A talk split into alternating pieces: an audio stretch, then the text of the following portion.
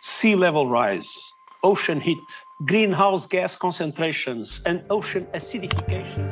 Utsläppen av växthusgaser måste ner till noll och till och med bli negativa om vi ska hålla uppvärmningen av planeten under två grader. Hur illa är det? Ja, det är väldigt, väldigt illa. Faktum är att det är gigantiska utmaningar. På en kvart får du veta hur realistiskt det är att ny teknik kan lösa en till synes omöjlig ekvation och varför norska oljepengar har ett finger med i spelet. Det är torsdag den 11 maj. Det här är Dagens Story från Svenska Dagbladet med mig, Alexandra Karlsson. Och idag med Therese Bergstedt, vetenskapsreporter och Mikael Törnvall, klimatreporter på SvD.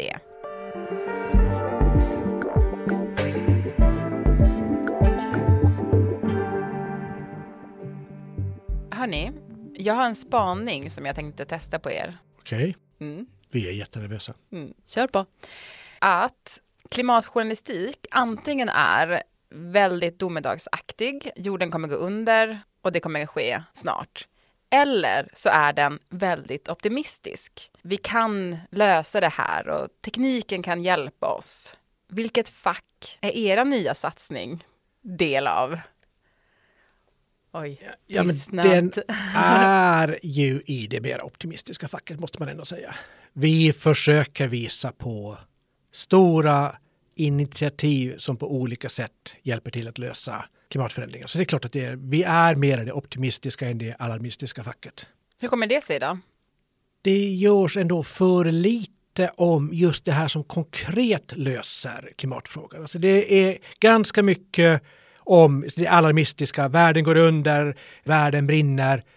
Och så finns det ganska mycket som, alltså lite väl optimistiskt. Man hittar nog lite mojäng som kanske eventuellt i framtiden kommer kunna lösa precis allting. Det är bara det att den är långt ifrån klar än. Det görs ganska lite om de här lösningarna som faktiskt finns på riktigt och som redan nu i stor skala kan hjälpa till att hantera det här. Mm. Och Klimatsprånget heter ju då den här satsningen. Eh, och du, Therese, du var först ut Mm. Med en artikel som handlar om koldioxidlagring. Mm, koldioxidinfångning och lagring, CCS. Vad är det för någonting?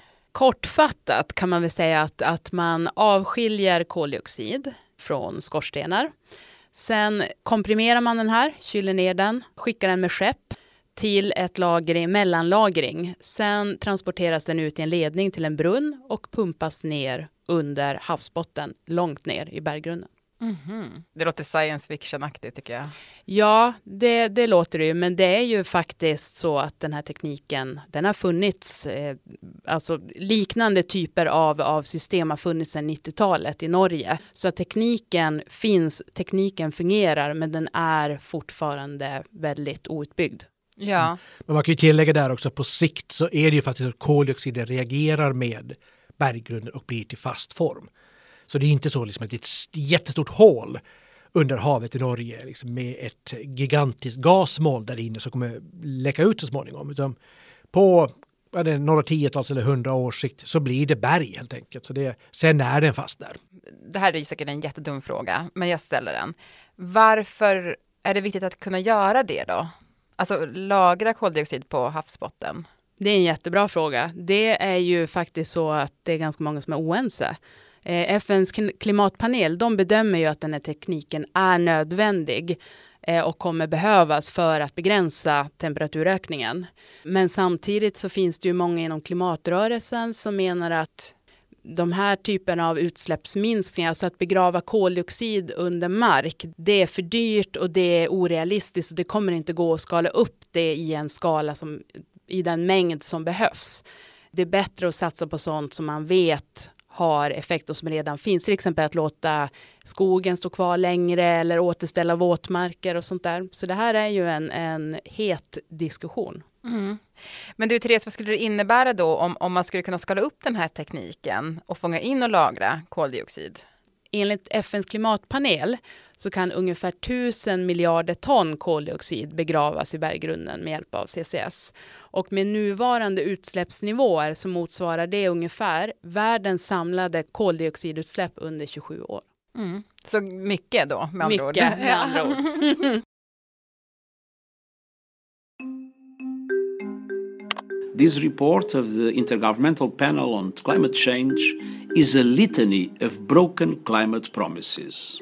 För att klara klimatmålen räcker det inte längre med att reducera de globala utsläppen. Det är nollutsläpp som gäller. Det är FNs klimatpanel IPCC tydliga med. We are on a fast track to climate disaster.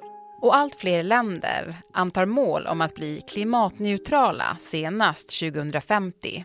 Sju av åtta partier i riksdagen är överens om att Sveriges fossila utsläpp ska bort till år 2045. Och klart är att det kommer krävas olika typer av tekniska innovationer för att ta oss hela vägen ner till noll. Tekniker som i många fall ännu inte är redo att användas i stor skala men vars effekter av FN bedöms som nödvändiga för att begränsa uppvärmningen. 1,5 graders uppvärmning är det nästan ingen som tror på längre. Men ska vi hålla oss under 2 grader, då är den här typen av en mängd olika tekniska lösningar, koldioxidinfångning etc. helt nödvändiga. Annars missar vi målen. Mm. Och du Micke, du har ju lärt dig hur man producerar koldioxidfri cement. Och det var ju något man länge trodde var omöjligt. Ja, alltså det finns ju ett antal industrier som bara för tio år sedan ansågs vara i praktiken omöjliga att ställa om. Och det handlar om sådana som stålindustrin, cementindustrin som behövs för att tillverka betong som vi använder för byggandet och så vidare.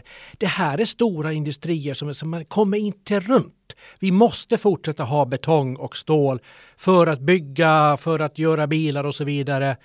Eh, sen har man ju efter det tagit fram teknik på olika sätt för att faktiskt få bort utsläppen. Det jag har tittat på det är då en Heidelberg Materials fabrik i Brevik utanför Oslo.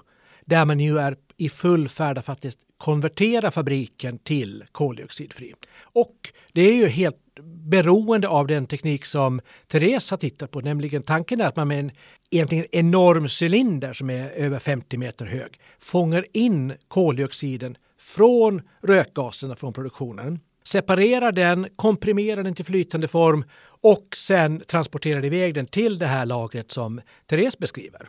Mm.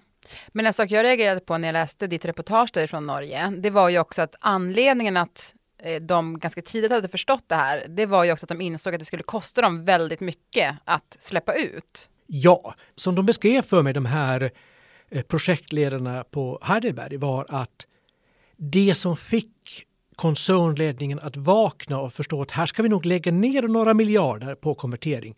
Det var den lilla förkortningen EU ETS mm. som är EUs system för handel med utsläppsrätter. Konkret betyder det varje ton koldioxid du släpper ut kostar pengar. Ja, nu får man en del gratis, men när man har gjort slut på sina gratis utsläppsrätter så kostar det ungefär 1000 kronor per ton. Och det priset stiger hela tiden. Och det förstod Heidelbergs Materials att det kommer bli ännu dyrare att fortsätta släppa ut än att lägga några miljarder på att bygga om fabrikerna för att bli koldioxidfria.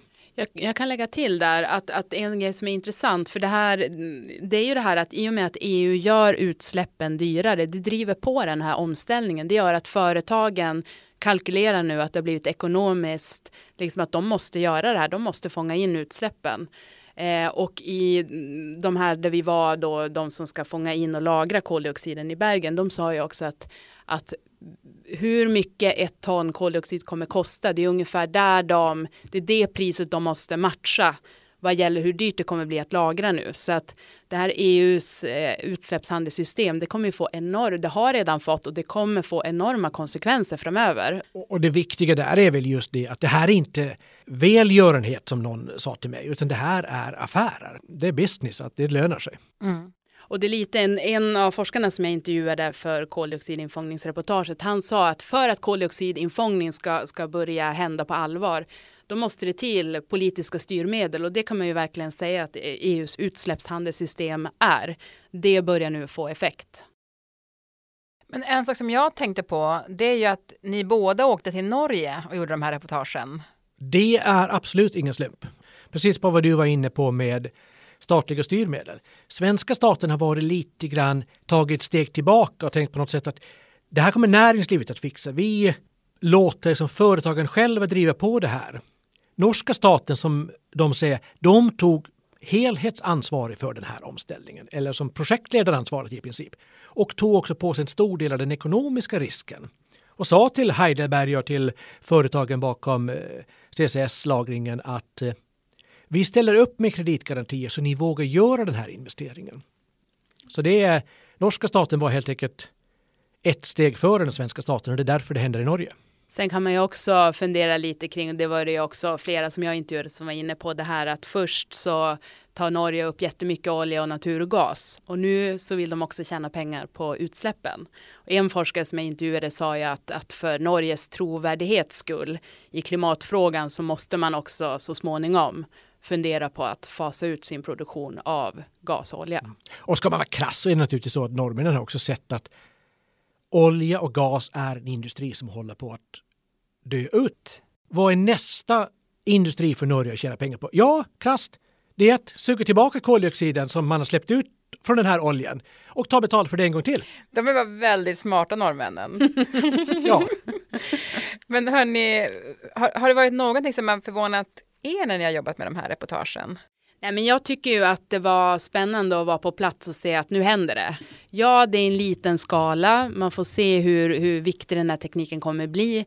Men nu är det på gång. De är på väg att börja begrava koldioxid. De har redan gjort det. Danmark har också dragit igång ett projekt. Det är projekt på gång i hela världen. Så att det var väl den här känslan att nu, nu är det ändå någonting på gång. Att det blir ju ofta väldigt deppigt när man läser prognoserna, hur det ser ut och utsläppen och allting. Men att det här känns som en rolig serie att jobba med, att just få visa också att det finns de som försöker lösa problemen.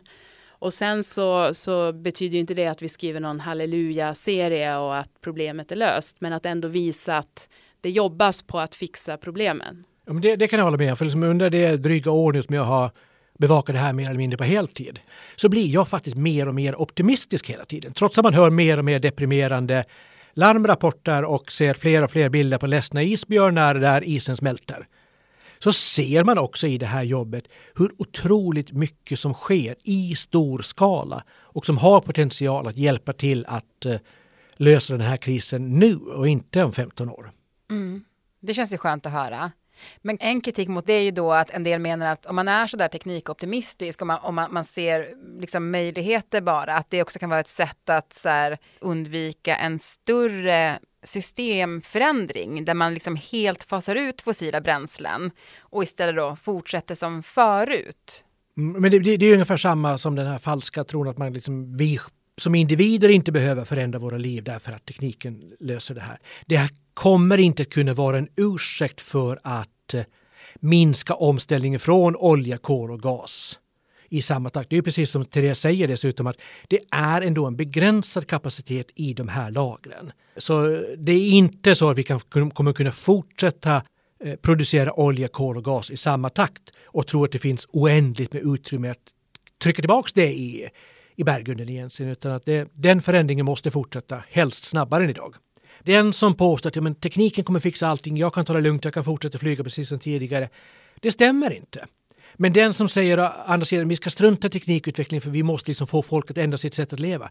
Då kommer man aldrig att nå noll. Alltså det enda sättet att mänskligheten inte skulle ha några utsläpp alls, det är att mänskligheten upphör att existera.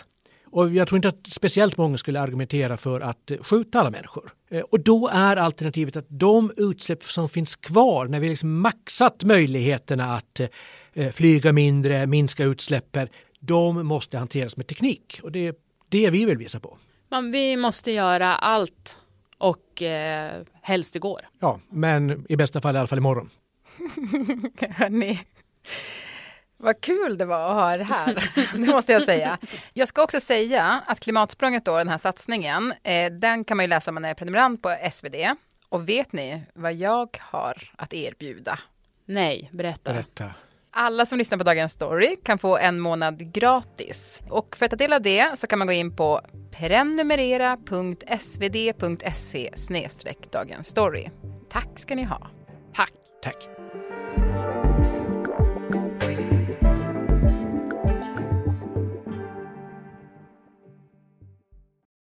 Programmet idag producerades av Moa Larsson, redaktör var Stina Fischer och jag heter Alexandra Karlsson. Vill du kontakta oss så mejla till dagensstory.svd.se. Klippen i programmet kom från Aftonbladet, Sveriges Radio, SVT och TV4.